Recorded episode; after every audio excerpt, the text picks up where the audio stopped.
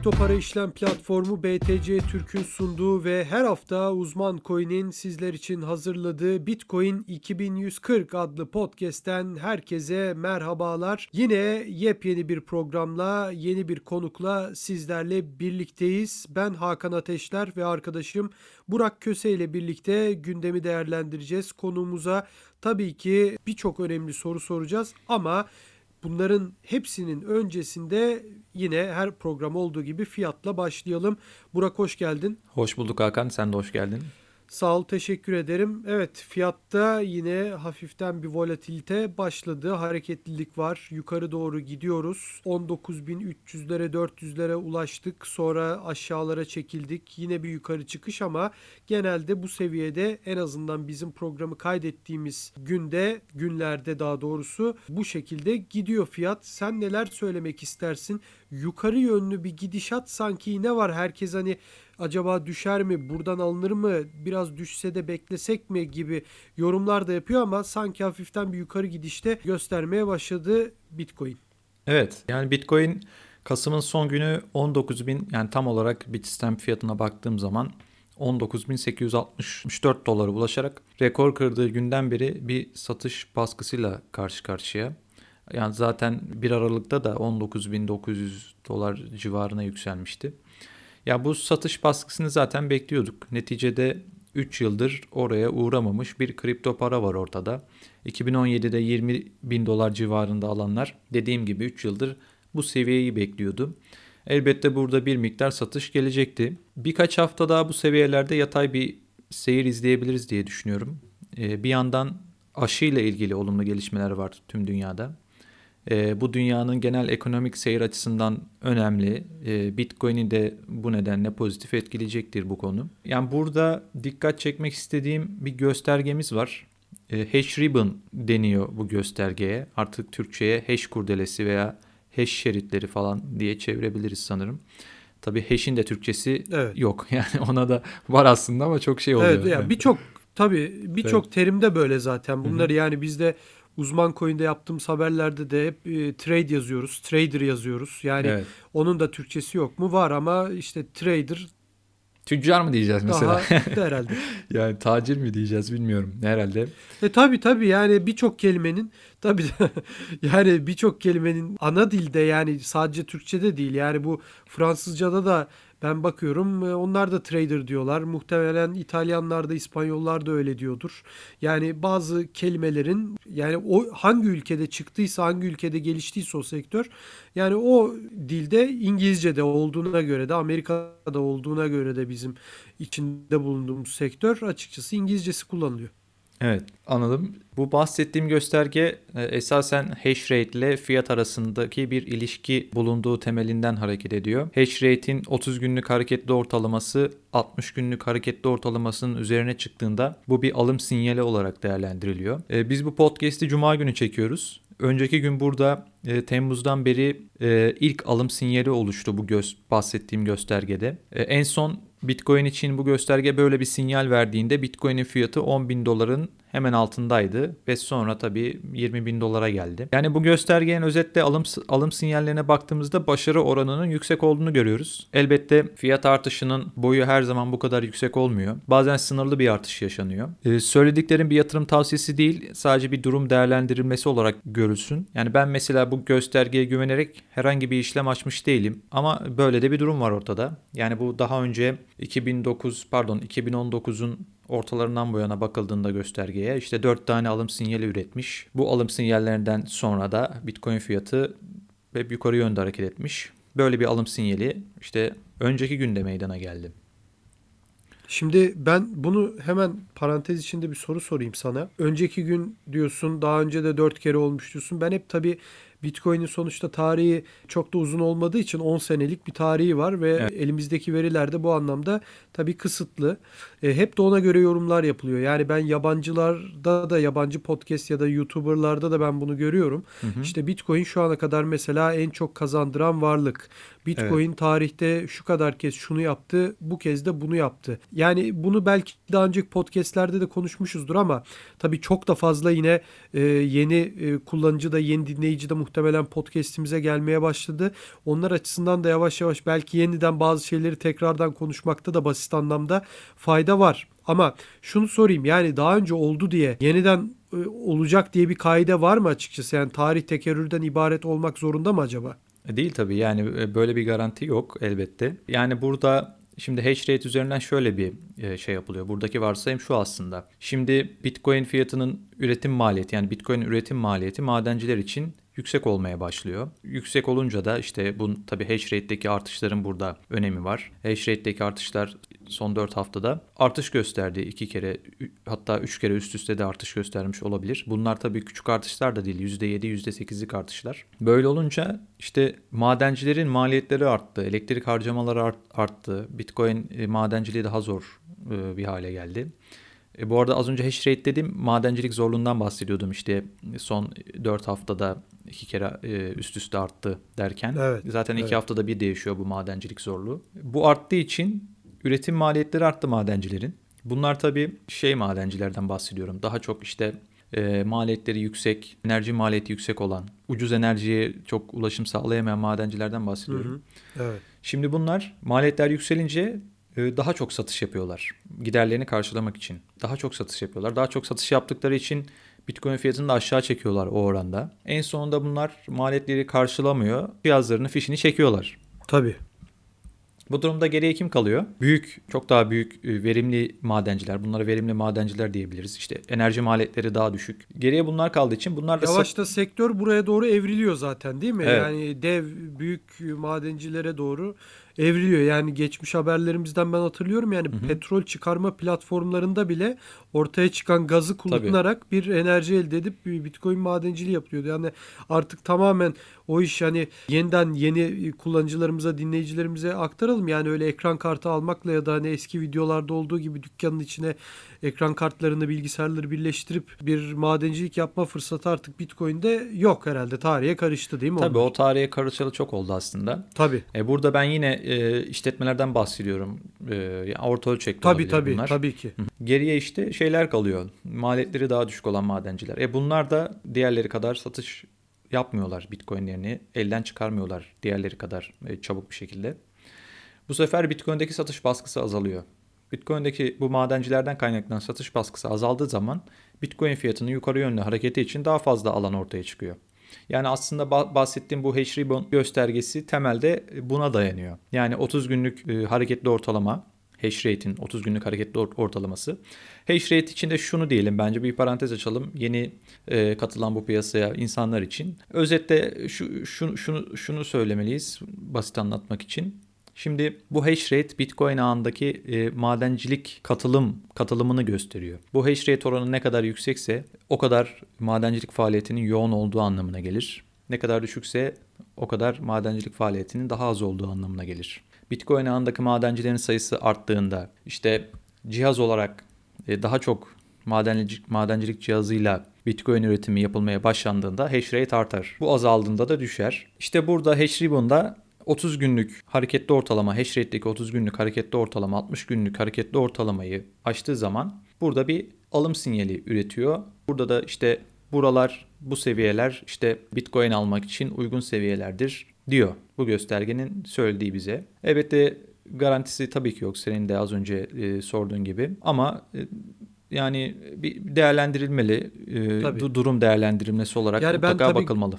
Garanti olarak e, Yani sormadım. Yoksa hiçbir şeyin garantisi yok. Yani bugün en çok yatırım alan araçlardan işte altındı, dolardı. Evet. Neyse artık onların da yok yani. Ama hani bunun daha kısa olduğu için ve özellikle bu anlamda hep kısa geçmişten örnekler verildiği için sordum açıkçası. Evet.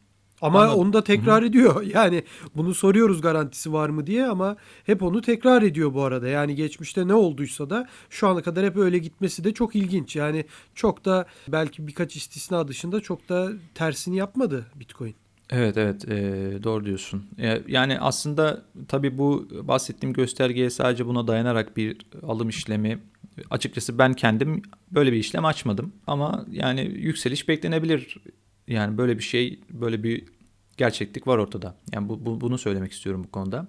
Sonra dikkat ettiğim bir başka konu fiyatın neredeyse rekor seviyede olmasına rağmen yani bugün 19 bin dolar civarındayız Evet. kurumsal şirketlerin alımlarının devam etmesi. En son dün Grayscale'e 7000 BTC daha eklendi.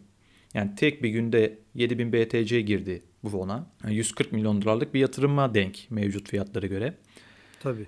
Yani bu da enteresan aslında. Yani fiyat zirve seviyesinde 2017 zirvesine gelmiş. Ama hala 7000 Bitcoin'lik bir Yani e, giriş var. sonuçta kurumsal bir firmasın. Yani 19 binden almazsın da biraz düşmesini beklersin. 16 binden 15 binden alsan hani büyük de yüklü de bir alım yaptığın için çok ciddi hani o anlamda da kar edersin açıkçası. Ama ona rağmen dediğin gibi çok ilginç. Yani en yüksek fiyattan en azından alınması şaşırtıcı ama umut verici. Yani ben açıkçası bu kadar e, bir kurumsal ilgi hep konuşuyorduk. Yani birkaç senedir biz bunu konuşuyoruz zaten. Evet. Her yaz Fidelity geldi, Bakt geldi, kurumsallar gelecek. Hiçbir açıkçası son dönemde bu anlamda yani bu yaza kadar çok ciddi bu şekilde bir alım yoktu. Ama bu yaz patladı bu alımlar. O da çok Evet. ilginç açıkçası. Hı hı. Evet evet kesinlikle. E, hatta ben son 24 saatten bahsettim. Son bir haftada da 14 bin 15 bin BTC'lik alım var yani bu Grayscale'e Evet. girilen giren Bitcoin'lerde. Sadece e, 24 saatlik miktar 7 bin. Enteresan evet e, senin de söylediğin gibi.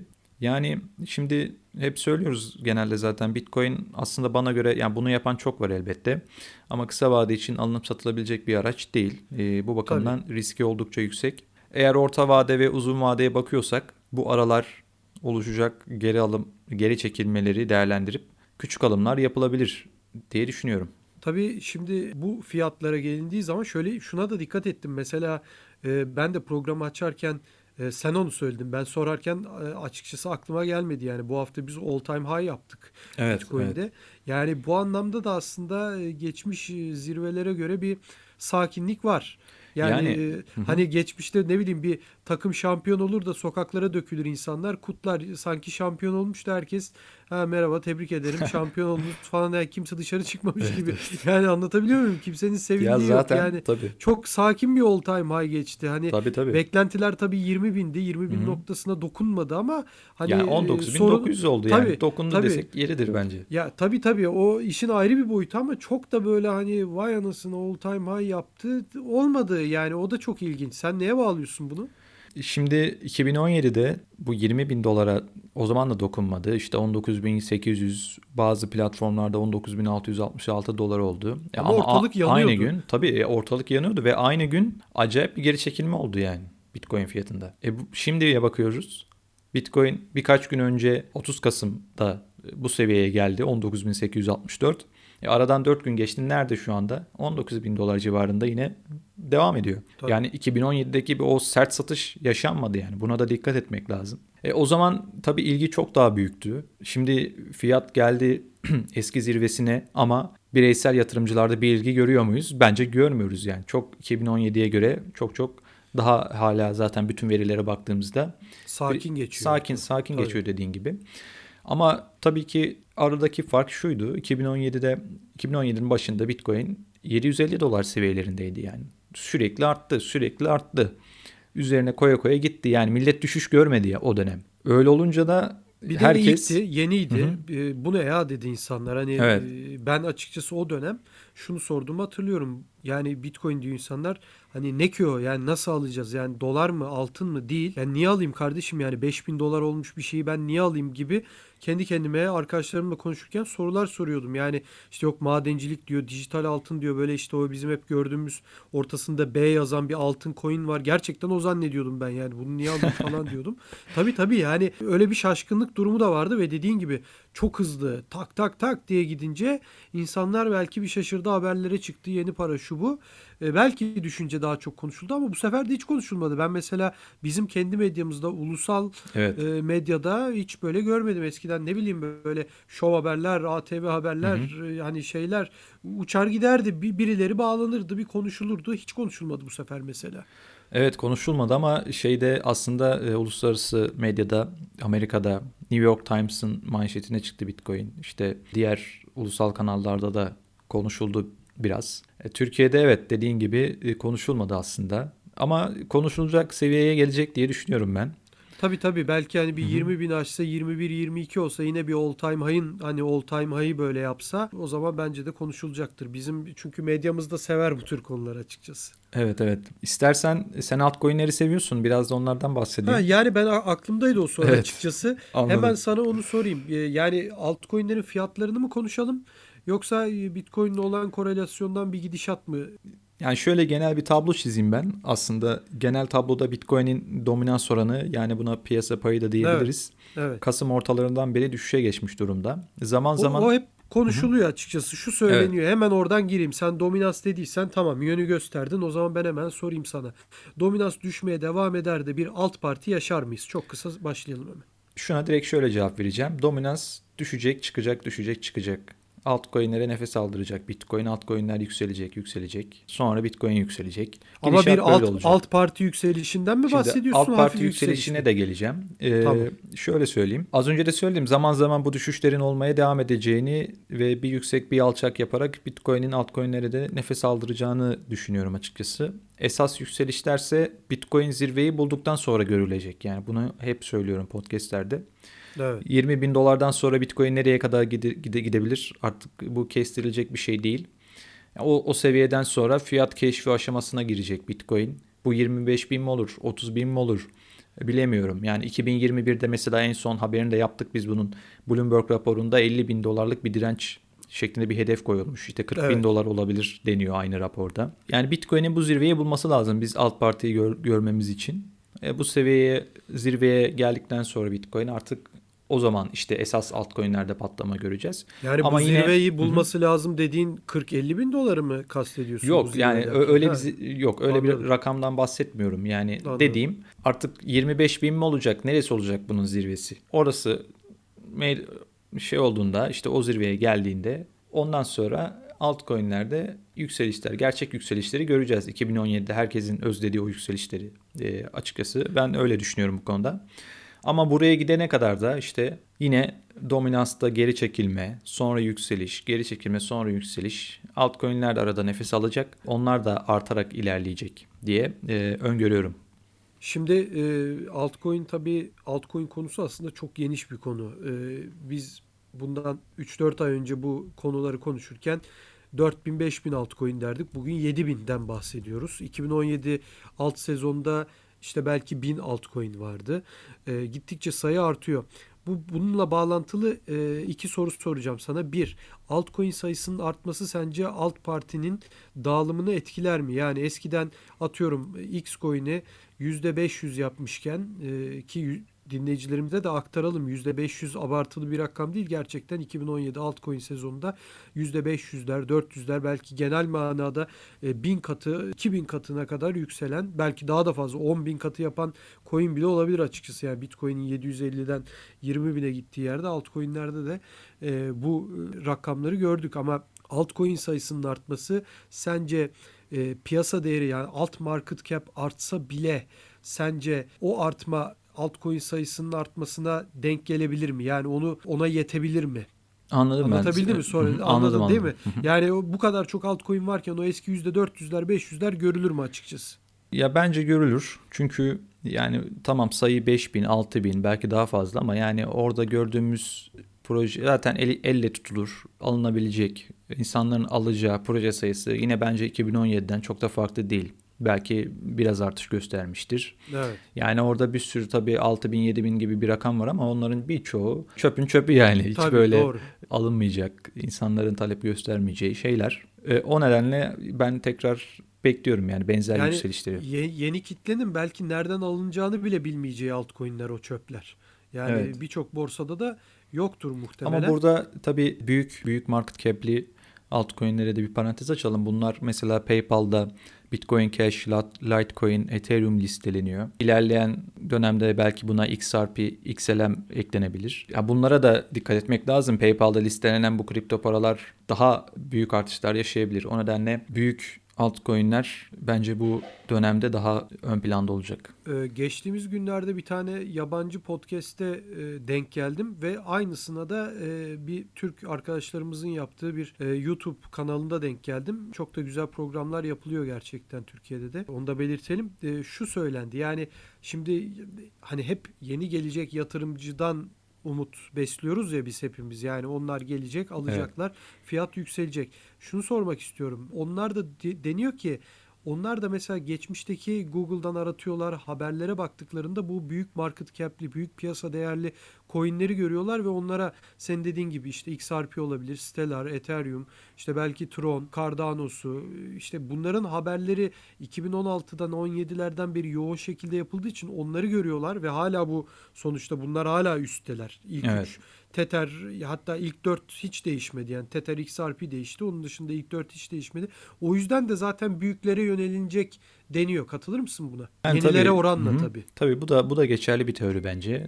Katılabilirim elbette. Yani sadece PayPal değil birçok fonlar işte Grayscale'e bakıyorsun. Onlarda da yani belli Ethereum, Litecoin, Bitcoin Cash gibi Tabii. kripto paralar listeleniyor. Yani bunlar aslında şey Amerika'da New York eyaletinde geçerli olan BitLicense dediğimiz lisans. Bu kripto para şirketlerinin faaliyetlerini yürütebilmesi için gereken bir lisans New York'ta. Evet. Bunların yeşil listesi var bir tane. İşte diyorlar ki bu kripto paraları listeleyebilirsiniz. Burada ne var? Bitcoin Cash, Ethereum, Litecoin, Bitcoin var. O yüzden zaten PayPal'da bunları listeledi. Bunların dışında Doğru. başka bir kripto, kripto para listelemedi. Bu muhtemelen BitLisans nedeniyle yana geldi. Ayrıca PayPal bu tabii Bitcoin Cash, Litecoin, Ethereum satarken bu lisans gereği birebir bunların karşılığını tutmak zorunda elinde. Böyle de bir durum var ortada.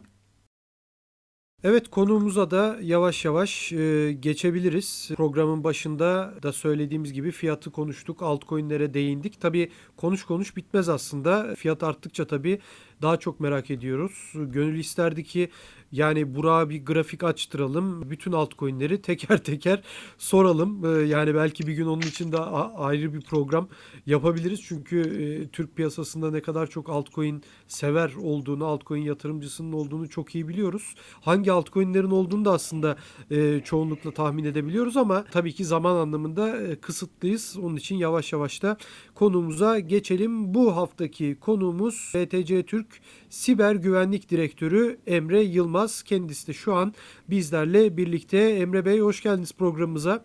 Merhaba, merhaba Hakan Bey, hoş bulduk. Sağ olun, teşekkür ederiz. Hemen isterseniz aslında tabii birçok soru hazırladık sizin için. Zamanımız da e, aslında dediğim gibi kısıtlı ama ben şuradan girmek istiyorum.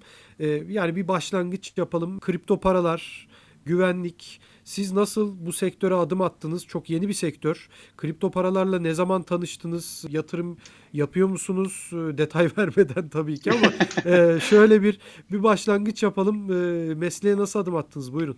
Mesleği iki türlü değerlendirmek gerektiğini düşünüyorum. Bir siber güvenlik profesyoneli olarak geçmişim çok eski. Yani 21. yılım bu sene tahminim aşağı yukarı. Evet. 20-21 seneyi geride bıraktık ama e, kripto para e, dünyasındaki siber güvenlik profesyonelliğime e, gireli işte 2-2,5 sene oldu. Zaten bildiğiniz üzere e, sizin de söylediğiniz gibi çok yeni bir sektör. Daha eski olmak da çok mümkün değil. Ama kripto ile ilgim, blockchain ile ilgim tabii daha eski. Hep e, ilgimi çok çekti. E, çünkü decentralized bir yapı sadece para değil, daha doğrusu hani varlık olarak değil, kıymeti olan bir varlık olarak değil, decentralized blockchain'ler üzerine geliştirilen projeler hep enteresan geldi. Çünkü alışılageldik o tradisyonel yapıdan farklı e, dağıtık hani her şeyi biz e, bir siber güvenlik e, profesyonel olarak her şeyi bir yerde tutup onu korumak üzerine Tabii. e, hep eğilimimiz var. İşte veri tabanı burada dursun, kapalı kapılar arkasında dursun, kimse ulaşamasın, içeriye girenleri retina testinden geçirelim derken e, birdenbire işte herkes de dursun bu data.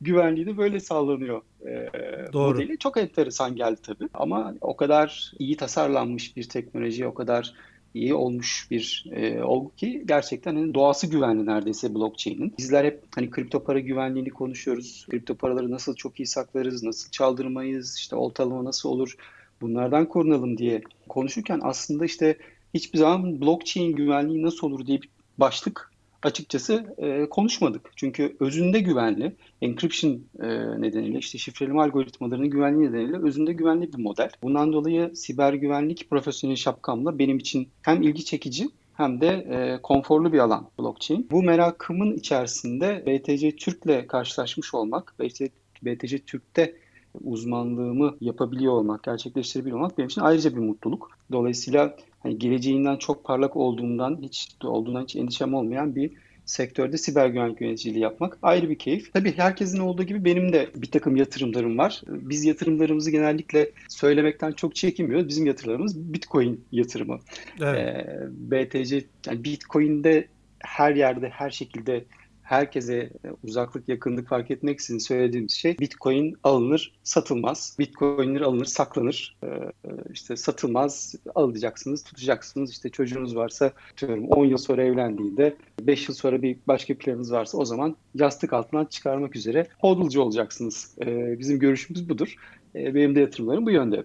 Bir de bunu siz borsa olarak söylüyorsunuz. Mesela yani sonuçta siz alım satımdan kazanan bir şirketsiniz. E, bu da o açıdan değerli. Ben tabii. bir de tabii siber güvenlik dendiği zaman direkt mesela aklıma hep gizlilik odaklı kripto paralar geliyor. İşte Monero olsun, Zcash olsun. Yani bunlarla ilgileniyor musunuz? Bunlara karşı bir ilginiz var mı?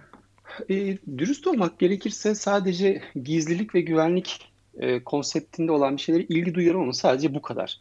Hani Monero'yu biliyorum bir ara çok ilgilendim ama kripto para dediğimiz zaman bizim bakış açımız hep Bitcoin'dir. E, altcoin'ler e, kendi içinde çok iyi projeler var elbette. E, çok kıymetli. Hiç kesinlikle şey değil. Boş bir dünya demek kesinlikle doğrudur. Kendi içinde kıymetleri var, değerleri var ama bizim için ben kripto para dediğim zaman Bitcoin ile ilgileniyorum. Ama görevim gereği tabii ki bir sürü peyrimiz var BTC Türk'te. Evet. E, onların güvenliği, onların nasıl çalıştığı ve müşterilerimize bunun güvenli bir şekilde ulaştırılmasından sorumluyum. BTC'de bir başka sorumluluğumuz da müşterilerimizin e, varlıklarının bir müşterilerimize doğru varlıklara yatırım yaptırmak yönünde. E, evet. Çok az sayıda peyrimiz olduğunu fark etmişsiniz evet, diğer evet, borsalardan tamam. yerli yabancı. E, bunun sebebi e, bizden aldığınız e, bir coin'in arkasındaki felsefeye, inanca, vizyona, teknolojisine, işte bir, bir sürü dinamiğe önce bizim inanmamız gerekiyor ki müşterilerimiz, yatırımcılarımız da e, yarın bir gün zorda kalmasın. Hani bugüne kadar biz hiç bir coin'i delisting etmedik. Evet. Yani hiç evet. çıkarttığımız coin yoktur dikkat ederseniz. Evet. Ee, çok özenle seçeriz, çok e, titizlikle seçeriz diyeceğimiz pair'leri. Dolayısıyla bu noktada gizlilik, yani güvenlik ve gizlilik farklı iki konsept. Aslına bakarsanız bir şey güvenli olup gizli olmayabilir. Gizli olduğu zaman otomatikman güvenli sayılabilir ama bambaşka bir felsefe ona hiç girmeyeyim şimdi. Dolayısıyla görevim gereği evet ilgileniyorum ama benim için kişisel olarak, emri olarak kripto para eşittir Bitcoin, desek yalan olmaz. Anladım. E, ben siz az önce bahsederken direkt aklıma şu geldi. Tabii birçok yine e, listeleme süreçleri oluyor. BTC Türk'te bugüne kadar listelenen birçok kripto para var. Bunların güvenlik adı altında yani sizin kontrolünüzden geçiyor mu peki bunlar yoksa siz sadece işte borsanın e, normal kendi güvenliğinden mi sorumlusunuz? Yani BTC Türk'te çoğu e, hatta hemen hemen her süreç bir politika ile bir prosedürle gerçekleşir. Bizim şu anda bir regülasyonumuz yok biliyorsunuz. Evet. Ee, ama hani yakın zamanda bir regülasyon geleceğine inancımızla bütün süreçlerimiz, her hareketimiz prosedürsel olarak yazılı, çizilidir. Yönetim kurulu onaylıdır. Ee, normal bankadan hiçbir farkımız yoktur bu açıdan. Dolayısıyla bir yeni bir pair ekleneceği zaman, işte yeni bir kripto para ekleyeceğimiz zaman A noktasından Z noktasına varıncaya kadar bir yazılı, çizili prosedür işler. Bu prosedürün içerisinde siber güvenlikte zaten önemli bir yer tutuyor. İşte bunun için çalış e, bu nodların bu e, kripto paraların çalışması için gereken işte cüzdanlar, e, nodlar, bağlantılar, e, aklınıza gelebilecek bütün teknik gereklilikler evet. aynı zamanda bizim hem bizim elimizden geçer, hem onayımızdan geçer, hem de varlıklarımızın arasında korunur. E, bunların çoğu gizlidir. Bunların çoğu kendi içimizde bile çok şeydir. Hani herkesin bildiği gizli değildir ya herkesin bildiği sır değildir. Evet. Dolayısıyla şirket içerisinde de bizim çok ciddi bir maker checker ve sorumluluk ayrımı vardır. Bu ayrımlar kapsamında da evet yeni eklenen pair'ler siber güvenlik süreçlerinin içerisinde siber güvenlikte önemli bir yer tutuyor. Anladım. O zaman ben şunu sormak istiyorum. Bu tabii başka bir konu. E, oltalama konusu aslında. Bu herhalde şu anda kripto para alanında en yaygın güvenlik riski denebilir. Tabii burada en büyük iş kullanıcının kendisinde. Hakan bu arada sana da söz vereceğim. Ben direkt girdim Tabii ama. tabii. Yo yo ben soruları Tamam. soruları da takip ediyorum. Ee, çok güzel oluyor. Anladım. Örneğin işte bazı sahte e-mailler o kadar gerçekçi oluyor ki ayırt etmesi güç oluyor. Yani son zamanlarda bu olaylar daha da arttı. En son Ledger kullanıcılarını hedefleyen toplu bir e-mail gönderimi yapıldı mesela. Evet. E, zaman zaman oltalama yoluyla e, Türk kripto para borsası kullanıcılarını hedefleyen saldırılar da oluyor. Hatta sürekli oluyordur muhtemelen. Ya bugünlerde piyasaya giren birçok insan da var yeni kullanıcı. Bunu zaten sizin rakamlarınızdan da takip ediyoruz. Eskiler belki tecrübeli olabilir bu konularda ama yenilerin yakalanma olasılığı daha yüksek bu tuzaklara. O zaman en baştan başlayalım. Mesela oltalama nedir? Oltalama tuzağını nasıl anlarız? İşte nasıl önleyebiliriz? Oltalama e-postalarını tespit eden yazılımlar, eklentiler vesaire var mı? Ne dersiniz bu konuda? Şöyle çok haklısınız. Çok doğru tespitler e, oltalama hakkında. Oltalama saldırıları neredeyse en eski e, saldırı vektörü. Evet. Gelmiş geçmiş çünkü insan hedefli. İnsan ne zaman teknolojiyle birlikte hareket etmeyi, yaşamaya başladı ve varlıkları teknolojiyle e, sahiplenilmeye başlandı. İşte oltalama saldırıları orada devreye girdi. İlk önce çok önemli bilgilerinizi şifreleyerek sizden para isteyen oltalama saldırıları modeli vardı. İşte Evet. ransomware adı verildi bunlara. E, tehdit yazılımları, fidye yazılımları. İşte bir operatöre borçluymuşsunuz gibi gelip çift tıkladığınızda faturanızı, bilgisayarınızdaki her şeyi şifreleyip sizden para istiyorlardı Bitcoin olarak. Evet. Bunlar hala devam ediyor. Fakat kripto para alım satım platformları vektöründen baktığımızda bizim için en büyük sorun şu.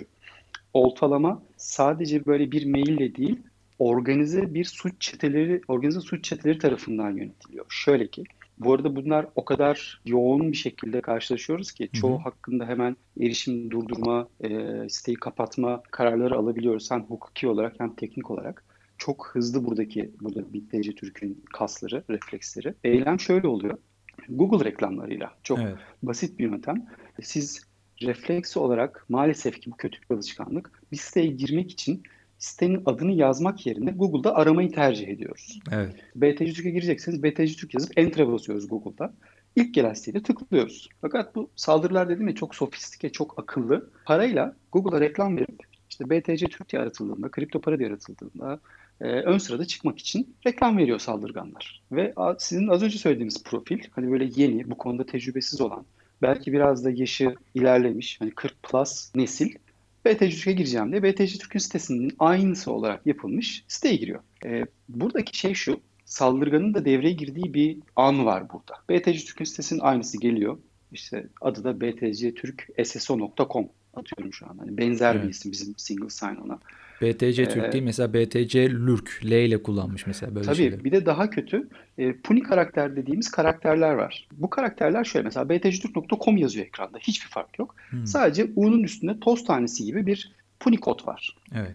E, çok benziyor. Dolayısıyla giriyorsunuz, kullanıcı adı şifrenizi yazıyorsunuz. Harika. Enter'a basıp devam et dediğiniz zaman Aa, bir saniye hesabınızda e, sizin çok e, şüpheli bir aktivite tespit ettik. Operatörlerimizin sisteme ulaşması için telefon numaranızı yazın şeklinde biraz da sizi paniğe zerk ederek telefon numaranızı alıp sizi arayıp işte şifrenizi söyleyin, two faktör kodunuzu söyleyin deyip kripto çalınıyor. Bu bayağı popüler bir metot.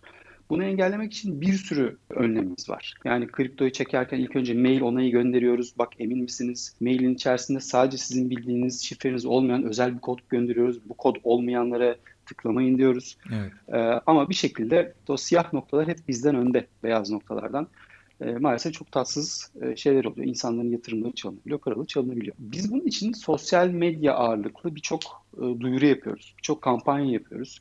Hatta şu an yine çok farklı bir fikirle e, kullanıcılarımıza, e, müşterilerimize e, farkındalığı arttırmaya yönelik çalışmalarda bulunacağız. Bunu yakın zaman, şu an açıkta benim yakın zamanda duyuyoruz zaten. Hı hı. Elimizden geleni yapıyoruz fakat biz ne yaparsak hep bir adım önde olmayı başarıyor bir şekilde saldırganlar.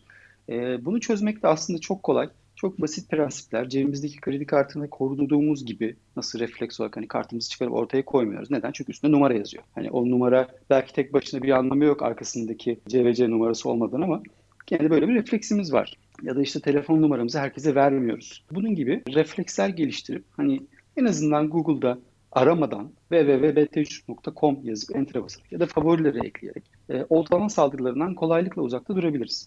Evet. Bir de sizin söylediğiniz gibi işte en son Ledger'ın başına gelen maalesef ki çok tatsız bir şekilde Ledger e, müşteri verilerini çaldırdı. Evet. Ee, ve onlara bir oltalama gerçekleştirildi. Çok hani hedefine gittiğini düşünmediğim bir saldırıydı açıkçası. Bana da geldi. Hani ben de Lece kullanıyorum. Hı. marka, marka gibi. Hani güldük geçtik. Bunda temel prensip şu aslına bakarsanız. Hiçbir marka, hiçbir kuruluş, hiçbir şirket, hiçbir kri- kripto alım satım platformu size telefonda ne şifrenizi sorar, ne sizden işte o size özel iki kuruma, kurumla sizin aranızda gizli duran kodu sorar, ne bir linke tıklamanızı ister. İstese bile bunu yapmayıp orayı kullanmaktan vazgeçmekte özgür olduğunuzu unutmamak gerekir. İşte bankalarda artık bir dönem çok uğraştılar ama şu an öyle bir durum yok. Hiçbir banka size telefon açıp da şifrenizi sormuyor. Evet. Böyle bir şey olsa şu an eminim ki çok kişi kapatır telefonu güler geçer. Aynı şekilde kripto varlıklarında da bu refleks gelişecek zaman içerisinde. Ama kısaca hani özetle bir prensip söylemek gerekirse kripto varlıklarımıza nasıl sahip çıkalım? Birincisi zaten mecburi ama SMS ya da Google Authenticator'lı her ya da herhangi bir Authenticator'lı two factor kullanmak. Tercihen Google. Evet. Ee, SMS'de çünkü sim kart kopyalama gibi bir takım Ondan bahsedecektim. Evet. kopyalanabiliyor. E, Authenticator'lar çok güvenli. Cihazın güvenliğini sağladığınız takdirde. Peki hemen e, sözünüzü kestim ama şunu sorayım. E. Authenticator tamam böyle bir uygulama var. Telefonumuzu yükleyebiliyoruz. Diğer yandan bir de fiziksel anahtarlar var. Mesela bunların en popüleri YubiKey e, Hı hı. var mesela. Peki bunların ikisi arasında bir güvenlik tercihi yaparsak siz hangisini seçersiniz?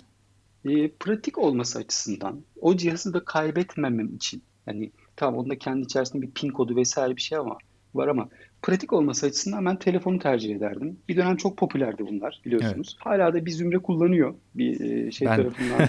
Top sizi kullanıyor musunuz? Evet. Ama hani kişisel tercih derseniz ben e, Authenticator'lı da taraftarıyım. Yedeklenebiliyor. Yedekten geri dönmem kolay. Güvenli. Bir de şey vardır güvenlikte. Bir eğridir tabii o böyle sonuna kadar öyle ama popüler olan her zaman güvenlik zafiyeti En en, fazla tespit edilmiş ve Hı hı. en fazla fixlenmiş olandır. Ama dediğim gibi bu bir orandır. Hani net cümle bu doğru değil tek başına. Popüler olup güvenliğe önem veren gibi bir if condition'da koyarsak o koyarsak oraya. YubiKey güvensiz değil ya da benzerleri. Hı hı. Ama hani bir gü- güvenlik profesyoneli olarak e, ben Authenticator'ları tercih ediyorum. Yedekliyorum da düzenli olarak Anladım. e, güvenli bir ortamda. Benim tercihim bu olurdu. Evet Hakan. Şimdi tabii bu e, phishing olayından girdik oltalamadan. E, ben iki sene önce de e, kripto parayla alakalı değil ama yani akşam böyle bildiğiniz yattıktan sonra telefonuma bakarken böyle hepimizin yaptığı bir şeydir. Bir mail geldi. O anda geldi. Apple'dan geldi. Dediğiniz gibi Emre Bey'in de dediği gibi her şey aynı. İşte faturanız şöyle böyle ama işte süresi bitiyor. Süresini eğer şey yapmazsanız uzatmazsanız işte her ay 49 dolar ödemek zorunda kalacaksınız gibi bir mail Evet, aslında. evet, yani aslında burada insanlara hep e, psikolojik açıdan da bir korkutma durumu Onun- söz konusu. Evet. Evet. O- onun bir şeyi var, bir üst level'ı. O da şey, e, zaten Emre Bey de bilir bunu. İşte uygunsuz görüntülerinizi kaydettik. Evet evet o da Ee, geldi bana. O şantaj O ba- başka ya. tabii başka bir zaman geldi o, o bana. Hatta yani şey diyor işte, şifreniz bu diyor mesela. E, Evet. Onu bile yazmış mesela yani. Herhalde bu saldırılar şeyden kaynaklanıyor. İşte daha önce e, büyük işte ele Çalınan geçirilmiş çalınan veriler değil mi? O şekilde. Tabii. sanırım. Tabii çalınan veriler. Çok kıymetli bunlar bir de. Örneğin bir havayolu şirketinde şirketin veri tabanını farz edin. Sizin hangi yöne gittiğiniz, hangi tarihte kaç kere gittiğiniz, kimle gittiğiniz e, gibi veriler harmanlanıp eşelenip çok enteresan bir mesela siz en fazla Paris'e gittiniz bir sene içerisinde. Bu bilginin birilerinin içinde ol, birilerinin elinde olduğunu düşün. Mesela bir ay içerisinde üç kere Paris'e gidip gelmişsiniz. Tamam demek ki size telefon açıp işte atıyorum Eyfel Kulesi'nden yönetiminden arayabiliyorum diyebilir size. Evet. Ya da sürekli alışveriş yaptığınız bir yer, kredi kartı bilginizin çalındığını düşünün ekstradan. Sürekli alışveriş yaptığınız bir yerden arıyorum işte bir sorun var deyip e, kart bilgileriniz alınabilir. Birçok vektör var burada. Bunların en masumi şeydi. İlk çıktığı zaman ransomware'ler kargo şirketi kılığında gelip işte PTT Kargo gibi gelip e, o zamanlar da AliExpress şey çok popülerdi. Dolar Evet. daha düşüktü. E, herkes böyle çılgınlar gibi AliExpress'ten şey yaparken işte PTT Kargo'dan e, yurt dışı gönderileriniz var. Kar gümrükte bekliyor. İşte almadığınız her gün 4 dolar atıyorum bir parası. Kira, e, depo, e, yer tutma parası gibi para vereceksiniz. Şu ekteki formu bize bir mail atın. Halledin bu işi deyip işte diski şifreleyip bilgisayardaki her şeyi şifreleyip para isteyen ransomware saldırıları yapılmıştı. E, orada da şeyi oynuyorlardı. Günlük 24 dolar, 20 dolar neyse. e, onun bir adı vardı ya ambarda yer tutma bedeli gibi bir şey var. Onu Evet. vermeyeyim diye aman hemen şunu doldurayım da göndereyim diye o dosyayı tıklıyordunuz. Tabii şimdi çok sofistike. Tabii yani burada inanılmaz bir korkutma durumu söz konusu. Yani Çok. e, o da hani fotoğraf e, saklamak için de hani 49 dolar ayda zaten verilmez. Yani öyle bir şey yok. O beni çok şaşırtmıştı. Kalktım gecenin bir yarısı. e, bilgisayarın başına oturdum. Biraz önce dediğiniz gibi Apple'ın sitesinin aynısı. Yani hiçbir farkı yok. Aynı site orada duruyor. Her şey yani bakıyorum ya bunlar Allah Allah ve ortada da böyle hani kabak gibi derler ya ortada da bildiğiniz Evet. işte kredi kartı numaranızı buraya girin diyor. Orada tabii dedim ki yani şimdi zaten her ay benden otomatik bu numarayı çeken bir şirket niye benden kredi kartını istesin gibi bir düşünce oluştu bende. Ondan sonra da zaten kredi kartını vermeyecektim ama sitede bir dolaşayım dedim. Hani aa dedim burada bu var, şurada şu var falan. Ürünlerin galiba ürün satış fiyatları falan gibi bir şey yazıyordu. Yeni ürünler falan yazıyordu. iPad'ler, iPhone'lar. Bir bakayım dedim ama işte orada da anlıyorsunuz her şey de mükemmel olmuyor. Ee, onlara da tıkladığınız zaman hiçbir sayfaya gitmiyordu. Sadece Apple'ın sitesinin aynısını yapmış. Nasıl olsa kimse tıklamaz belki oralara diye. İnsanlar belki kredi kartı numaralarını oraya verirler, ödemelerini yaparlar, giderler diye. Bir baktım hiçbir yere tıklanmıyor. Orada anladım ki sitenin aynısını yapmışlar. Yani birebir aynısını yapmışlar. Mükemmellik derecesinde aynısını Tabii, yapmışlar tabii, ama tabii. tabii her sitenin içindeki sayfaya da yönlendirme koyamıyorlar. E, bilmiyorum belki linkle bir türlü siz daha iyi bilirsiniz yapabilirlerdi o yönlendirmeyi Yo, de yapsalar. zaten şey de Yeni sayfada size- açsalar. Size denk gelmemiş zaten. Normalde Öyle mi? bunları tabii tabii siz normalde bunlar işte Türk'ün sayfasını yapmakla uğraşmıyorlar tabii ki. Ee, onu kopyalayan tool'lar var. Aynı şekilde Hmm. kopyalayıp sadece arkasındaki kodu değiştiriyorlar. Yani bu zaten bir web sitesinin kopyalanması teknik olarak engellenebilecek bir şey değil. Kopyalanıp yapılabiliyor. Daha inandırıcı olan senaryolarda dediğiniz gibi herhangi bir linki doğrudan BTC Türk'ün sayfasına gönderiyor. Gerçek BTC Türk. Tabii tabii. İşte ana sayfa sizin gibi mesela şüphelendi bir kullanıcı. e, ya şuradaki işte e, login'e basayım ya işte para çekmeye basayım dedi. BTC Türk'ün para çekmesine gidiyor. Do- Dolayısıyla önünüzdeki ekranın gerçek olduğunu hala inanmaya Hayır, devam şu ediyorsunuz. da var. Mesela dediğim gibi 49 dolar mesela benden istiyor. O ayrı bir şüphelendirme. Benden ben ayda Tabii. atıyorum onun için 4 dolar ödüyorumdur, 3 dolar ödüyorumdur. Benden 5 dolar istese, 6 dolar istese belki ben onu göndereceğim. O da olabilir. Yani makul bir Evet, tabii, fiyat tabii, istese de benden bu hani mantıklı gelip size ama ne uğraşacağım Ee, işte 1 dolar 2 dolar daha veya 5 TL daha vereyim de şunların şu bilmem ne cezasından kurtulayım de olabilir. Tabii. Yani o 49 doları ben zaten hayatta vermezdim yani. Hani bunu insanlar Ya şu- düşünür bence. Ama tabii şimdi siz 49 doları e, 7 ile hadi o zaman belki 5 ile çarpıyordunuz belki. Tabii Çok tabii. para geliyordu. Yani e, yurt dışında birisinde o 49'u aman vereyim gitsin uğraşmaya değmez diyecekti. Ya bunlardan kurtulmanın aslında basit prensipleri var dedim ya. Birincisi aradığınız siteye, girmek istediğiniz siteye girip yazıp da girmek. Evet. Ee, ya da sponsorlu bağlantılardan girmemek doğrusu. Özellikle kritik iş yapacaksanız ne bileyim e, işte YouTube'a girecekseniz video seyredeceksiniz işte GIF olan bir siteye gireceksiniz. Ne yapacaksınız? Tamam arayıp girebilirsiniz tabii ki. Ama kritik iş yapacaksınız. Paranız var, pulunuz var, varlığınız var. Google'dan gelen sonuca güvenmemek gerekiyor. Bu aynı şey gibi. Sokakta yürürken işte bir bankaya gireceksiniz. Bir yere girip burası benim bankam demek gibi. Çünkü orası Tabii. da banka. Orada da paranız Hayır var. bu zaten şöyle de oldu sözünüzü kestim ama yani bu haberlere çıktı. Bu konuda sadece siber güvenlikle ilgili değil. Bulaşık makinesi, çamaşır makinesi bozuldu insanların. Google'a girip işte şu şirketin e, işte ne bileyim e, İstanbul e, Gazi Osman Paşa Beşiktaş şeyi e, ne derler servise evet servisi yazıp sahte bir site çıktıktan sonra hatta sahte siteyi geçtim sahte bir servis çıktıktan sonra adamın o markanın servisiyle hiçbir alakası yok gelip e, sizin makinanıza tamamen kopya imitasyon bir ürün takıp sanki orijinal takmış gibi e, 500 lira 750 lira 1000 lira para alıp gittiği de olmuş. Yani bırakın hani evinize bir servis geliyor gerçek. Evinize gelenler gerçek insanlar ama o servisle alakaları yok. Yani bakın siber güvenliği de tamamen geçtik. Yani Tabii, tabii, Google'a tabii, bu tabii. anlamda hiçbir zaman güvenmemek gerekiyor bu anlamda tabii.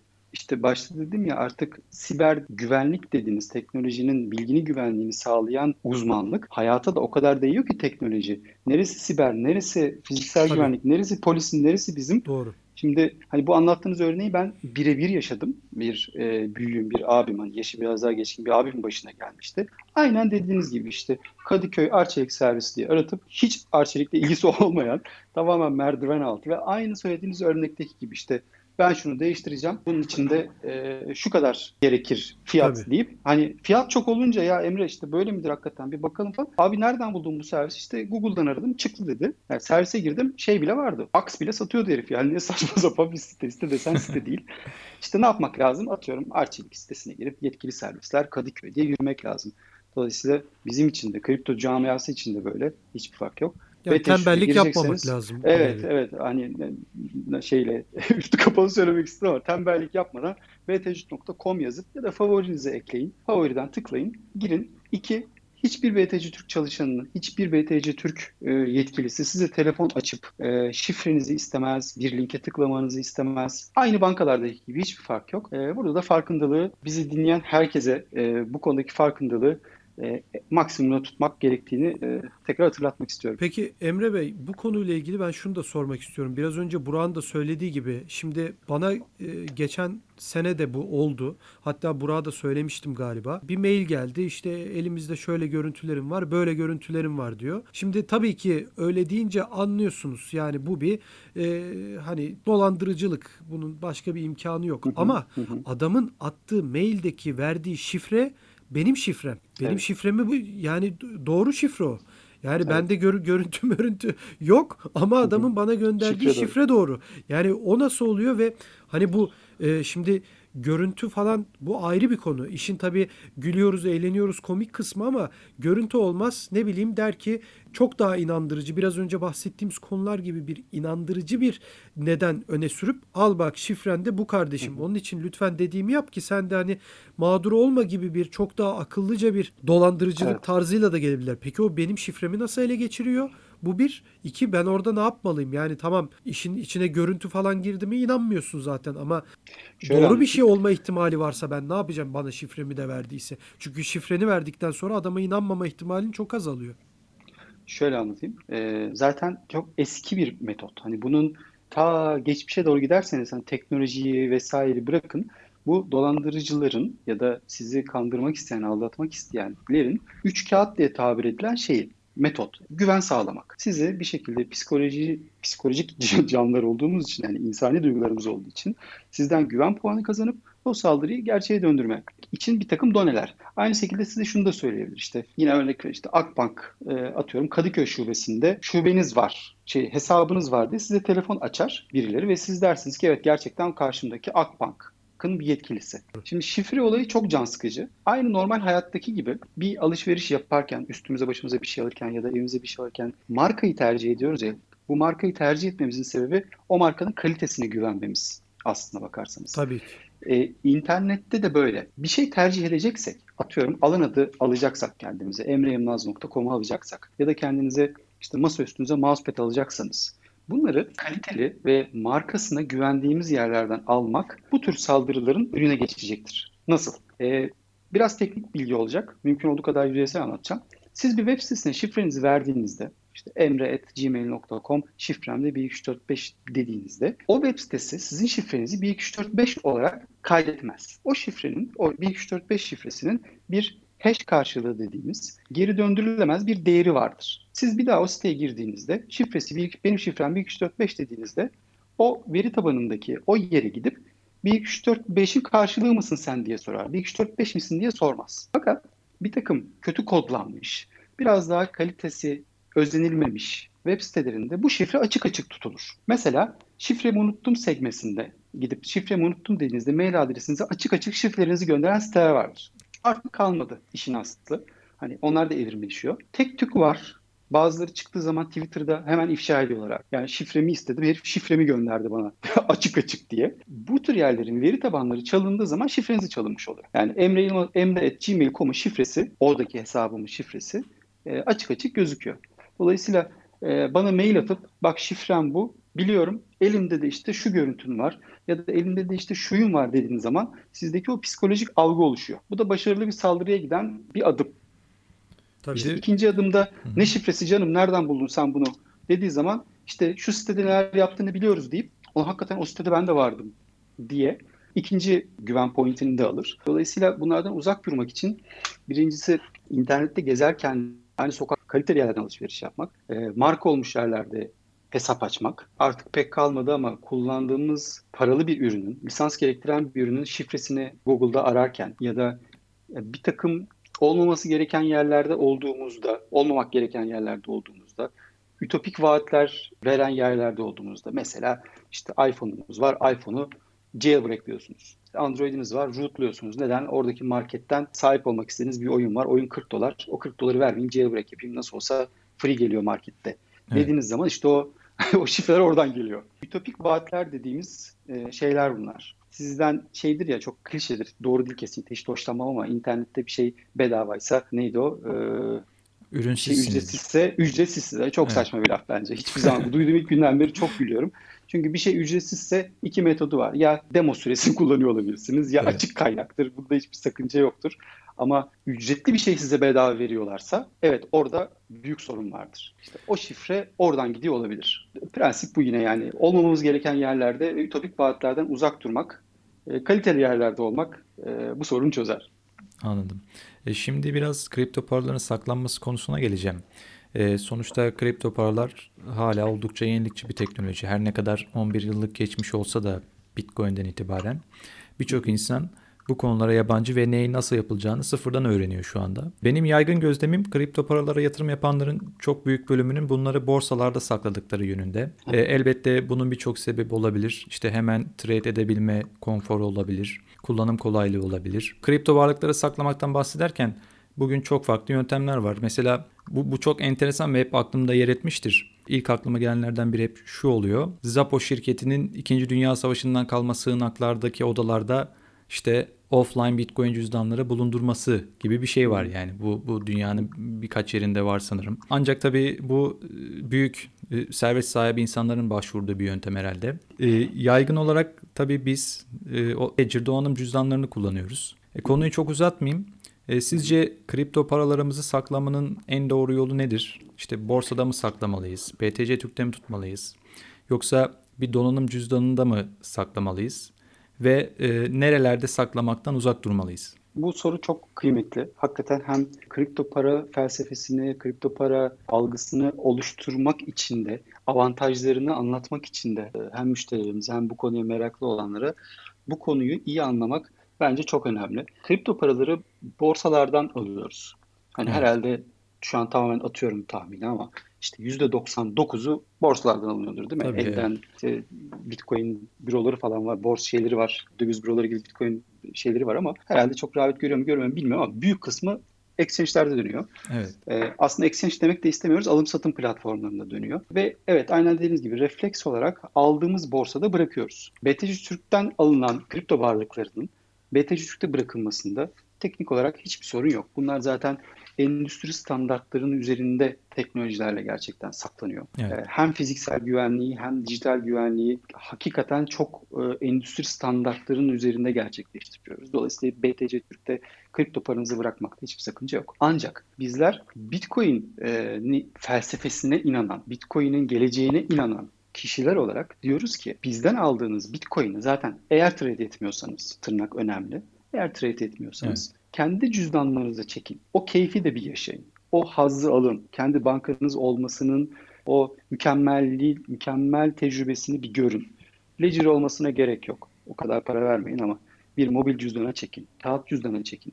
Ne bileyim masa üstünde bulunan e, cüzdanları çekin. Onların seedlerini saklayın. Bu kendi bankanız gibi yaşamanın e, keyfine de varın diye her ortamda bizden aldığınız kripto varlığı mutlaka kendi cüzdanınıza çekin diyoruz. Çok fazla alım satım platformu var e, biliyorsunuz irili ufaklı. Borsaların başına da alım satım platformlarının başına da kötü şeyler geliyor. Örnek örnekleri de var globalde de. Tabii. Ee, Henüz zaten birkaç hafta önce yaşadığımız var zaten. Ee, evet. Tatsız şeyler yaşanabiliyor.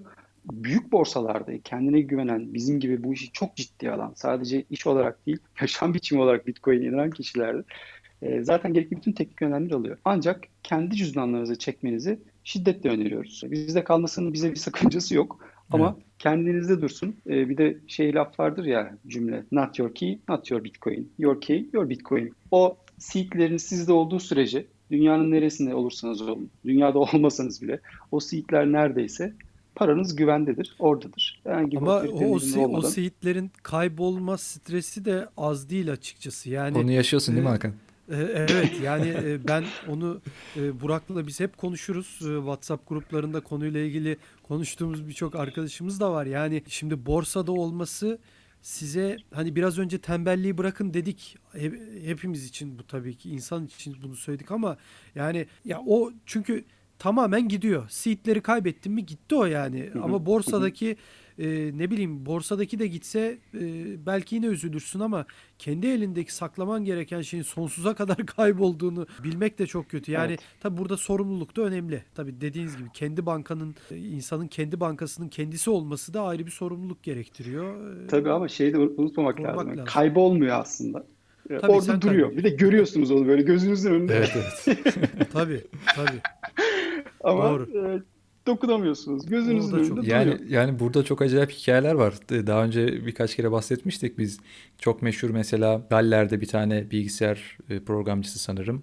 İşte e, bu şekilde Bitcoin'ini kaybediyor adam. İşte 7000 küsür Bitcoin. Yani senelerdir Evet. bilmiyorum artık ne düşünüyor da bö- böyle çok acı anılar var. Var, etrafta da var. Konuyu yeterince ciddiye almamış, işte birkaç Bitcoin kalmış zamanda çünkü ben hatırlıyorum ya Bitcoin'e alışveriş yapıldığı, yurt dışındaki sitelerden alışveriş yapıldığı zamanları hatırlıyorum. Birkaç Bitcoin'e bir şey aldığınız falan zamanlar vardı. Evet. E, o dönemlerden kalmış, e, önemsememiş konuyu arkadaşlar var. Yani seed korumak evet çok önemli. Hem Peki bu, avantaj. bu stresi sözünüzü kestim ama siz bir güvenlik uzmanı olarak bu stresi yaşıyor musunuz? Şimdi benim zaten stresini yaşamadığım herhangi bir konu yok mesleki, mesleki defa, deformasyon Doğru gereği. tabii. Hani o kadar çok e, olasılığı, o kadar çok e, hani yok artık diyebileceğiniz riski değerlendirerek önlem alıyorum ki hem kişisel seedlerimin şu an BTC Türk'ten bağımsız olarak kendi seedlerimden, kendi varlıklarımdan bahsediyorum. Tabii ki çok stres halindeyim ama hani orada tabii herkesin kendine ait bir metodu da var. E, Geliştirdiği bir metot da var. Ben şöyle bir ipucu vereyim kendi metodum için. Belki sizlerin kafasında da takım fikirler oluşturabilir. Ben aynı geleneksel metotlardaki gibi bunu bir yerde saklamak yerine bir veri tabanı olur işte o veri tabanı etrafında 50 tane şey kurarız dedik ya başta. Ee, bunun yerine dağıtık bir sistemde tutmayı ve e, o dağıttığım şeylerin güvenliğini iyi yapma konusu. Yani aynı decentralized bir varlık yönetiminde decentralized bir seed koruma metodu geliştirdim kendimce. Şimdilik bir şeyim yok. Hani bir zararını görmedim. Ama ne bileyim işte gömen var. Ha bir de şeyde düşünmek lazım. Siz hayattayken koyduğunuz yerin ne yaptıysanız artık atıyorum. Yazdığınız kağıda seedlerinizi gittiniz yazdığınız bahçesinde gömdünüz. Unutmamak Ee, lazım değil mi? Şimdi siz hayattayken unutmazsınız. Evet. Allah korusun hani hepimiz e, ölümlü canlılarız günün sonunda. E, size bir şey oldu, trafik kazası geçirdik. Allah korusun öldük, öldük. E şimdi onun orada olduğunu da bilen birisi lazım. Eşiniz olabilir. Hani anlatabiliyor muyum? Şey, bütün olasılıkları iyi değerlendirmek lazım. Bizim Bana evde kimsenin haberi yok böyle bir şeyden. Mesela Anlatsam kimse bilmiyor Mesela. açıkçası söyleyeyim. Hani bitcoinleri tarladan toplamıyoruz günün sonunda. Onların ciddi Tabii. emek karşılığında Tabii. alıyoruz. E şimdi e, pandemisi var. Patır patır insanlar ölüyor. Yarın bir gün neye kapılacağımız, e, neye bulaşacağı belli değil, ne olacağımız belli değil. Dolayısıyla o bilgiyi de birileriyle paylaşmak önemli. Dağıtık tutanlar var seedleri. İşte yarısını A, 12 tanesini A noktasına, 12 tanesini B noktasına e, gömen, e, bunu birkaç kişiye söyleyenler var. Yani herkes kendince bir metot geliştiriyor. Çift donanım cüzdan tutan var. Hani hiç C'de, C'de tabii bir yerde tutuyor ama çift donanım cüzdan tutan var. İkisinde de aynı para var. E, aynı key var daha doğrusu. Ama çok önemli. Çünkü hiç pardonu yok. Hani bankadaki hesabınızı unutsanız bir şey yaparak Evet. alırsınız. Hiç pardonu yok. E, Dolayısıyla evet kendi cüzdanlarını çekerken biz bunu öneriyoruz ama e, evet o kendi bankanızın olması sorumluluğu da çok büyük. Peki, peki şimdi bu kripto paraları saklarken biz nerelerde saklamaktan uzak durmalıyız? Mesela telefonda uygulamalar var. İşte masaüstü uygulamaları var. Açıkçası telefondaki uygulamalar bana çok güvenli gelmiyor cüzdan olarak. Bilmiyorum yani bu tabii hiçbir teknik, işin teknik tarafını bilmiyorum ama nedense öyle düşünüyorum. Şöyle söyleyeyim, bir kere kesinlikle uzak durulması gereken bir yer varsa o çok net. Hani orada tartışacak bir şey yok. Konuya yeterince ciddiyet göstermeyen borsalardan uzak durmak gerekiyor. Buralardan varlık almakta bir sakınca yok. Atıyorum Evet. işte yeni çıkan bir şey ar- arayacaksınız. O da işte küçücük bir borsada var. Adamın 5 tane seed'i var, 5 tane pair'i var. Bir tanesi de sizin aradığınız. Yeni çıktı. İnanıyorsunuz alacaksınız. Alın ama orada tutmayın. Çünkü hani konuya yeterince önemi vermeyen, güvenliğine yeterince önem vermeyen, işte hacmi nispeten çok düşük, e, birkaç kişiden oluşan ki bir dönem çok herkesin iştahını kabartmıştı alım satım platformu kurmak. Bizim aynı zamanda BTC Türk'ün yanında BTC Trader e, adında bir şirketimiz var. Zaten BTC Türkiye'de hizmeti sağlayan şirkettir. Evet. E, buralarda iş ortaklarına, iş ortaklığı yapmak isteyenlere kripto para alım satım platformu hizmeti sunuyoruz. İşte bize de gelip ne bileyim ayda 5 bitcoin hacim yapsak kardır diyen e, bu şekilde yola çıkan küçük yatırımcılar da var. E, üzgünüm bunu söylediğim için. Evet. Ancak güvenli bir şekilde tutmak e, söz konusuysa ben e, bu tür küçük yapılardan uzak dururdum. Çünkü boyutu kadar güvenlik sağlanabilir. Evet. Boyutu kadar sizin varlığınızı koruyabilir. Buradan alın, onlar da işini yapsın ama mutlaka kendi cüzdanınıza çekin. Bir kere buralardan alsam bile tutmazdım. Emre Yılmaz olarak söylüyorum. İkincisi mobil cüzdanlar yine aslında bakarsanız blockchain'in, bitcoin'in mimarisi gereği güvensiz demek doğru değil. Ancak mobilitenin getirdiği bir e, şey var orada, hissiyat var. O bende de var. Evet. Hani şimdi donanım cüzdanı çekiyorum. Donanım cüzdanım öyle şeyde monitörün üstünde askıda duruyor. Gözümün önünde. O dışarıda çıkmıyor. İçinde şifresi de var. Üç kereden sonra kendini yok ediyor zaten. Bitti gitti. Tertemiz. Çok güvenli hissediyorum. Ama ne bileyim ben telefonu çocuğuma da veriyorum oynasın diye. Şimdi orada tabii evet. ki girişte bir şifresi bilmem nesi var ama e, ne bileyim bir takım kritik yerlere girerken telefonunu bırakmak da gerekebiliyor. E, çalınabiliyor. Evet girişte tekrar söyleyeyim. Şifresi var ama dört taneli bir şifreye bütün varlığımı emanet etmek istemiyorum. E, dolayısıyla evet donanım cüzdan daha güvenli. Hissiyat olarak da daha güvenli. Bence konsept olarak da daha güvenli. İşte kağıda çekebilirsiniz private key'inizi. O bir metot ama ben onu da çok e, şey yapmıyorum. Hani yanaşmıyorum çünkü kağıt dediğiniz şey uçar, solar, yanar, akar, her şey olabilir. Bu da bir de tabii şey. iki tane çeyrek altınız varsa gidip banka kasasında saklamazsınız bunları. Ama 100 tane çeyrek altınız varsa banka kasasında saklarsınız. Neyiniz olduğuyla da alakalı. Eğer kaybetmeyi göze alacağınız sadece keyif için ya da merak için aldığınız bitcoin'iniz varsa işte mobil cüzdan, Ledger, e, desktop uygulaması, borsa dolaştırın durun. O keyfi tadın. Ama kaybetmeyi göze almayacağınız bir kripto varlığınız varsa bence mutlaka e, donanım cüzdanlarda saklamakta fayda var. Evet. E, Hakan ben son olarak bir şey daha söyleyeceğim. Ondan sonra sana veriyorum sözü. Tamamdır. E, şimdi seed dedik az önce. İşte tabii birçoğumuz e, kağıt ve tükenmez kalemle yazıyor muhtemelen. Yani birçok insan böyle yapıyor. E, yani ben öyle yaptım en azından. E, şimdi bir de bir de şunun şöyle bir tarafı var. Tabii siz de az önce söylediğiniz kağıt dayanıksız bir madde sonuçta. İşte yangın olur, sel olur. Her e, bu, bu konulara karşı dayanıksız. E, tabii bu kurtarma kelimeleri için şeyler var. İşte üzerine lazerle yazı yazılan levhalar falan var. İşte evet, veya evet. harfleri bir araya getirerek kelimeler oluşturulan e, çelik. Bunlar hakkında ne düşünüyorsun? Yani böyle bir şey kullansak daha iyi olur sanırım. Valla ben e, birisine al bu kelimeleri çeliğin üstüne yaz sonra bana ver demektense e, kağıdı kavanoza koymayı tercih edebilirim. hani kavanoz da yanmaz. e, Yok o lazer falan onun yanında geliyor cihazı yazı kendiniz yazıyorsunuz herhalde onları. Ha e, tamam. Evet evet haklısınız öyle bir şey duymuştum. Doğru evet. ama tabii şey yine 0.001 Bitcoin için değecek bir şey değil ama e, tabii, evet. büyük miktarda varlıklarınız varsa zaten multisig yapılar konuşmak gerekir. Hı, tabii ee, bir de o var. Hani evet. tek bir e, cüzdan yetkili değil işte 5 cüzdanın 3'ü 5 e, adresin 3'ü yetkilendirilen yapılar var. E, bunlar çok güven. Yani 3 kişi tamam şimdi bu parayı göndermemiz lazım, bunu buradan çıkarmamız lazım diyerek çıkarabiliyorsunuz. Kağıda yazmakta sakladığınız yere göre değişir. Bir sakınca yok. Yani benim hep kafamda şöyle, ben hiç kağıda yazmadım bugüne kadar dürüst olmak gerekirse. Kağıdı iyi koruduğunuz bir ortam olduktan sonra bir sakıncası yok. Ama başına envai tür şey gelir. Masanızda kağıda yazıp çekmecenizde saklamayın. Evet. Masanızda şey, kitabın arasına koymayın tabii ki.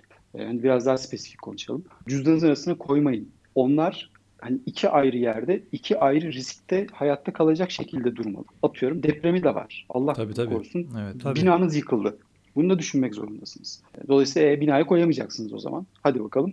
Değişti komple fikirler. Bir takım dokümanlar var bununla ilgili. Bir ritüeli var bunun. İşte kağıda yazacaksanız kesinlikle elektronik alet olmayan kimsenin cep telefonu bile olmayan bir odada işte kamera olmayan, e, internet olmayan bir odada şu şartlarla yazın sonra onu şöyle katlayın falan gibi bir ritüeli var.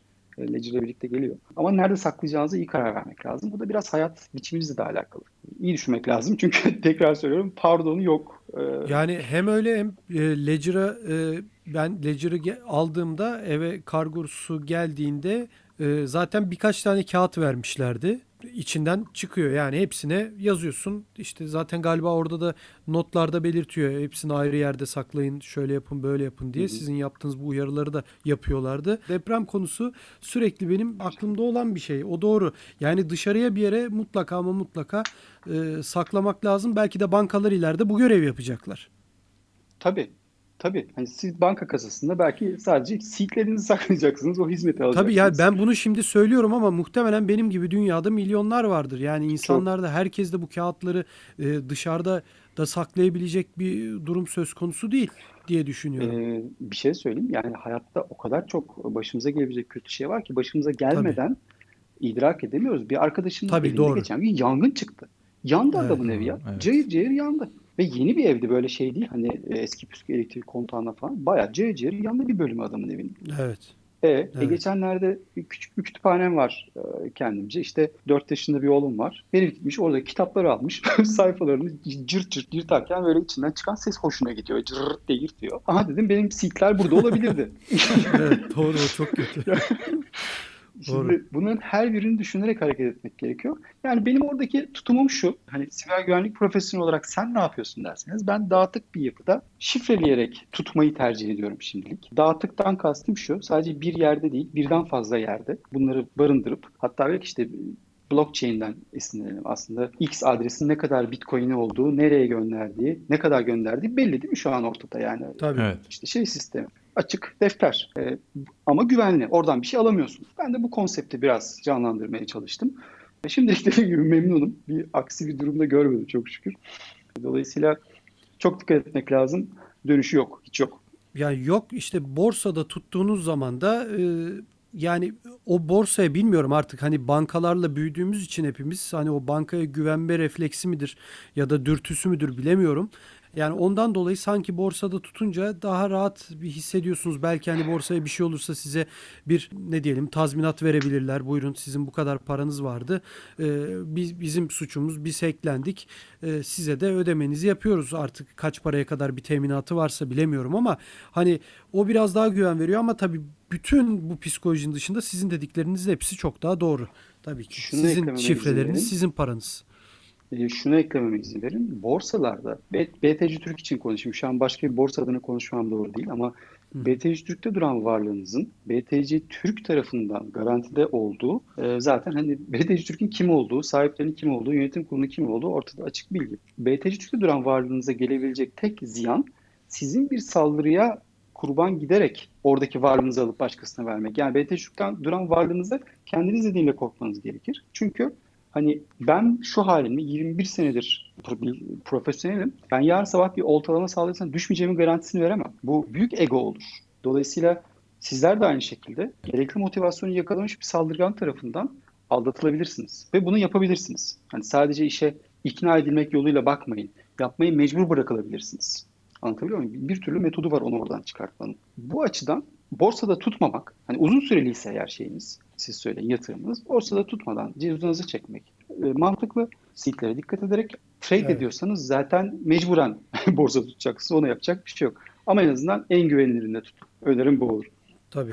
Emre Bey çok teşekkür ediyoruz. Yine programda da bir saati aştık. Gerçekten konuş konuş bitmez ama insanların gerçekten sürekli sorduğu sorular. Yani hatta ben bütün bunları konuştuk belki çok e, şey de gelebilir. Bunları konuştuktan sonra bu soru da sorulur mu diyen de, e, dinleyicilerimiz olacaktır ama bana çok geliyor. E, ben hani direkt olarak sorayım sizden de çok kısa cevap vereyim. Ledger gibi, Trezor gibi veya başka türlü soğuk cüzdanların hacklenme ihtimali var mıdır? Yani oraya girip biri hack yani şifreler olmadan tabii. Hani Hı hı. onlar da elektronik bir alet, cihaz olduğu için sizin şifrelerinizi ele geçirmeden kimse Ledger'ınıza girip ele geçirebilir mi Bitcoin'lerinizi? Net cevap verelim. İnternete bağlı olmadan hayır. Ama siz işte başta söyledik ya Hakan Bey e, bir Ledger'ın veri tabanı çalındı. Ve oraya Evet. e, oltalama saldırısı gerçekleştirildi. Tabii. Eğer Ledger'ınız o saldırı size geldi. Ledger'ınız takılıydı, pini giriliydi. Gerekli cüzdanın içindeydi. Ha, o ayrı tabii. Tabii. gidebilirdi. Ama cebinizde duran internete bağlı olmayan Ledger'ın ya da herhangi bir varlığın Hı hı. e, offline varlığın hacklenmesi söz konusu değil. Evet. Teknik tamam. olarak sen yani internet yoksa eklenmez. Çamaşır makinesi de eklenmez. İnternet Tabii. bağlıysa. E, Bana da şöyle bir soru gelmişti. Tabii şeydi o da bu işte seedlerimizin o sonuçta 24 tane kelime var. Bunlar tahmin edilebilir mi? Mesela böyle bir soru ama tabii çok çok olanaksız bir şey. Yok. Ben olanaksız olduğunu söyleyebilirim. Ee, o çünkü o hani o kelimeleri şöyle söyleyeyim. Benim seedlerimi size versem, hayırlı olsun bunlar benim seedlerim desem sırasını da bilmek zorundasınız. Evet tabii. Tabii. Yani rastlantısal değil onlar. Ee, korkunç bir algoritma, korkunç bir encryption metodu. Dolayısıyla hayır, onlar tahmin edilebilir şeyler değil. Şunları biliyorum. Sadece iki kelimesi eksik. Yani sonuna atıyorum 24'ün 22'si olan Hı hı. işte silinmiş miydi ne olmuştu okumuştum. Sadece iki kelime için dokunulmayan varlıklar var. O söz konusu değil o. E, bir de son olarak şunu ekleyeyim Hakan. Tabii. E, Emre Bey'in de bir kitabı var. E, siber güvenlik bu e, yayını izleyenler arasında tabii bu konulara merak duyan birçok insan olabilir. Siber güvenlik kariyeri yapmak isteyenler olabilir. Siber güvenlik kariyeri ilk adım şeklinde. Bundan yararlanabilirler. E, Emre Bey bundan sonra kitap çalışmanız gelecek mi yoksa Bundan sonra evet bir iki kitap çalışmam daha var. Muhtemelen bir tanesi BTC Türk'le birlikte e, müşterilerimize hizmet verecek bir kitap olacak. Bir tane daha daha uzun vadede e, yayın evinde de henüz prensipte anlaştığımız siber güven siber savunma sanatı adı altında bir kitap daha olacak. Dediğiniz gibi şey e, siber güvenlik kariyeri ilk adım benim ilk kitabım. Benim için ayrı bir yeri var. E, kitabın gelirinin yazar haklarının tamamını sokak hayvanlarına bağışlıyoruz. harika? Dolayısıyla dinleyicilerimizden üçer beşer alıp sağa sola dağıtmalarını e, rica edebilirim. Süper. Evet Hakan. Çok teşekkür ediyoruz Emre Bey değerlendirmeleriniz için. Ee, gerçekten çok da verimli bir program da oldu. Yani bildiğimizi sandığımız aslında bazı basit şeyler var, kolay şeyler var ama %100 bilmediğimizi bir, bir kez daha siz bize gösterdiniz. Şu benim son örnekte verdiğim detaylarda dahil olmak üzere. Demek ki orada ulu orta her yerde de her şeyi konuşmamak lazım. Yani burada tabii benim bütün bilgilerim kimse tarafından bilinmiyor ama yine de dikkatli o, o refleksi en azından bana bu programda Ya siz de şimdi işin kötü tarafı bir ara şey oldu Türkiye'de işte adresler adresler herkesin çalındı yani. Bu bile var. Tabii. Mesela senin Tabii, ismin tabii. ortada ama Ya yok ortada olsun canım yapacak bir şey yok artık da hani cana geleceğine mala gelsin ama dediğiniz Ee, gibi çok... çok- ciddi refleks elde ettik bu konuda da. İki cümle sadece daha ekle- ekleyeyim. Zamanımızı açtık kusura bakmayın ama Yok sosyal Yok. mühendislik saldırılarının bir tanesidir sadece oltalama. E, Birçok sosyal mühendislik, insan odaklı saldırı metodu vardır. Biz sadece en popüler, şu an en çok revaçlanan oltalamayı biliyoruz ama sizin minik minik bilgilerinizle, ufak ufak bilgilerinizle ortaya çıkan büyük bir bilgi hüzmesiyle size doğrudan bir saldırı gerçekleştirilebilir. Ki Evet. hedefli saldırılar dediğimiz saldırılar böyledir. Bahsettiğimiz oltalama bir kitleye hitap eder. Atıyorum Akbank müşterilerine gider. Atıyorum BTC Türk müşterilerine gider. Ne bileyim e, dinleyicilerimize gider. Evet. E, Evet. Kitledir. Ama hedef odaklılar bir çalışma sonucunda ortaya çıkar. Dolayısıyla buradaki prensip de ben, benle kim ilgilenir, benim neyim var ki bana hedef odaklı saldırı yapacaklar diye düşünmeden bir kitlenin parçası olduğumuzu unutmadan ve hiç kimseye gereksiz bir bilgi vermeden yaşamak. Şey gibi, sokakta birisi görüyor, selamünaleyküm, aleykümselam, isminiz neydi? Sana ne? E, telefon açtık, işte iyi günler, kimle görüyorum? Sana ne? Sen kimi arıyordun? Tabii. İşte telefonunuzu alabilir misin? Hayır alamazsın. Sen ne istiyorsun? Ona söyle gibi bilginin önemli ya da önemsiz olduğuyla ilgilenmeden vermek gerekli mi gereksiz mi diye değerlendirmek gerekiyor. Doğru. Son olarak doğru, bunu ekledim. Doğru. Teşekkür ederim. Biz teşekkür ederiz. Evet programımızı da e, sonlandırabiliriz. E, bu hafta konuğumuz BTC Türk Siber Güvenlik Direktörü Emre Yılmaz'dı. Kendisiyle gerçekten fiyatın arttığı bugünlerde aslında fiyatı fiyata birebir bağlı e, olan ama e, fiyatla da çok alakası olmayan bir konuyu konuştuk. Çünkü eğer fiyat artacaksa, değerli olacaksa, bizim hayatımızda bir değeri olacaksa fiyatın bu ilk olarak o varlığı korumaktan geçiyor. O varlığı düzgün koruyamadıktan sonra isterse fiyatlar uzaylara kadar uçsun e, çok Doğru. bir önemi kalmıyor. Emre Yılmaz'la da bunları konuştuk. Burak sana da teşekkürler. Senin de ağzına sağlık. Sana da teşekkürler Hakan sağ ol. Evet programımızı sonlandırabiliriz. Türkiye'nin en büyük kripto para işlem platformu BTC Türk'ün sunduğu ve uzman coin'in her hafta sizler için hazırladığı Bitcoin 2140 adlı podcast'imizin bu haftada sonuna geldik. Gelecek hafta tekrardan görüşmek dileğiyle herkese iyi haftalar.